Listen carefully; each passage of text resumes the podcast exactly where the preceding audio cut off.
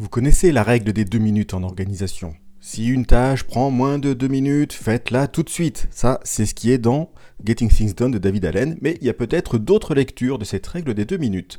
Bienvenue, vous êtes sur le podcast J'ai pas le temps pour ça, présenté par Eric Boucher. On partage des méthodes, des trucs et des astuces pour être plus efficace et terminer la journée plus tranquille.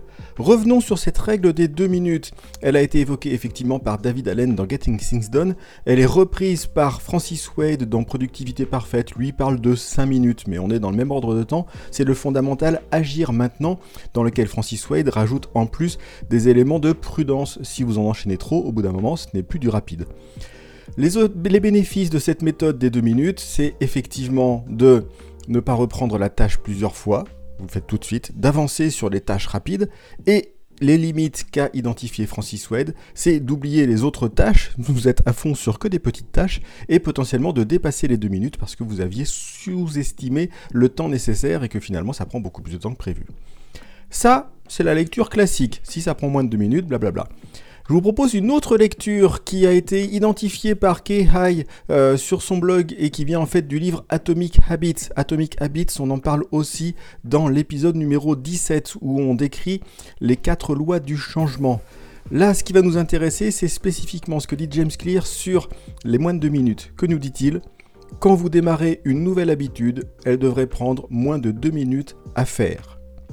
Quand vous démarrez une nouvelle habitude, elle devrait prendre moins de deux minutes à faire. L'intérêt de cette lecture et l'intérêt de ce timing, c'est de faciliter la mise en mouvement, limiter les résistances en proposant une action simple. Et donc, dans cette lecture-là et dans la lecture qu'en fait Kehai sur son blog, il nous donne quatre propositions pour utiliser au mieux ces deux minutes que vous avez.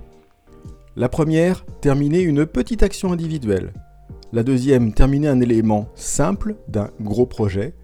Troisième, bâtir une habitude quotidienne qui vous amène à un résultat.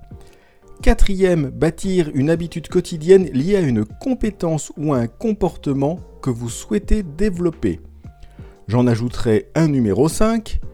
Écoutez le blog J'ai pas le temps pour ça. On est sur 3 minutes, c'est pas si loin. Vous faites ça, deux épisodes par semaine et vous allez apprendre plein de choses. Alors, qu'est-ce que vous allez faire de ces deux minutes?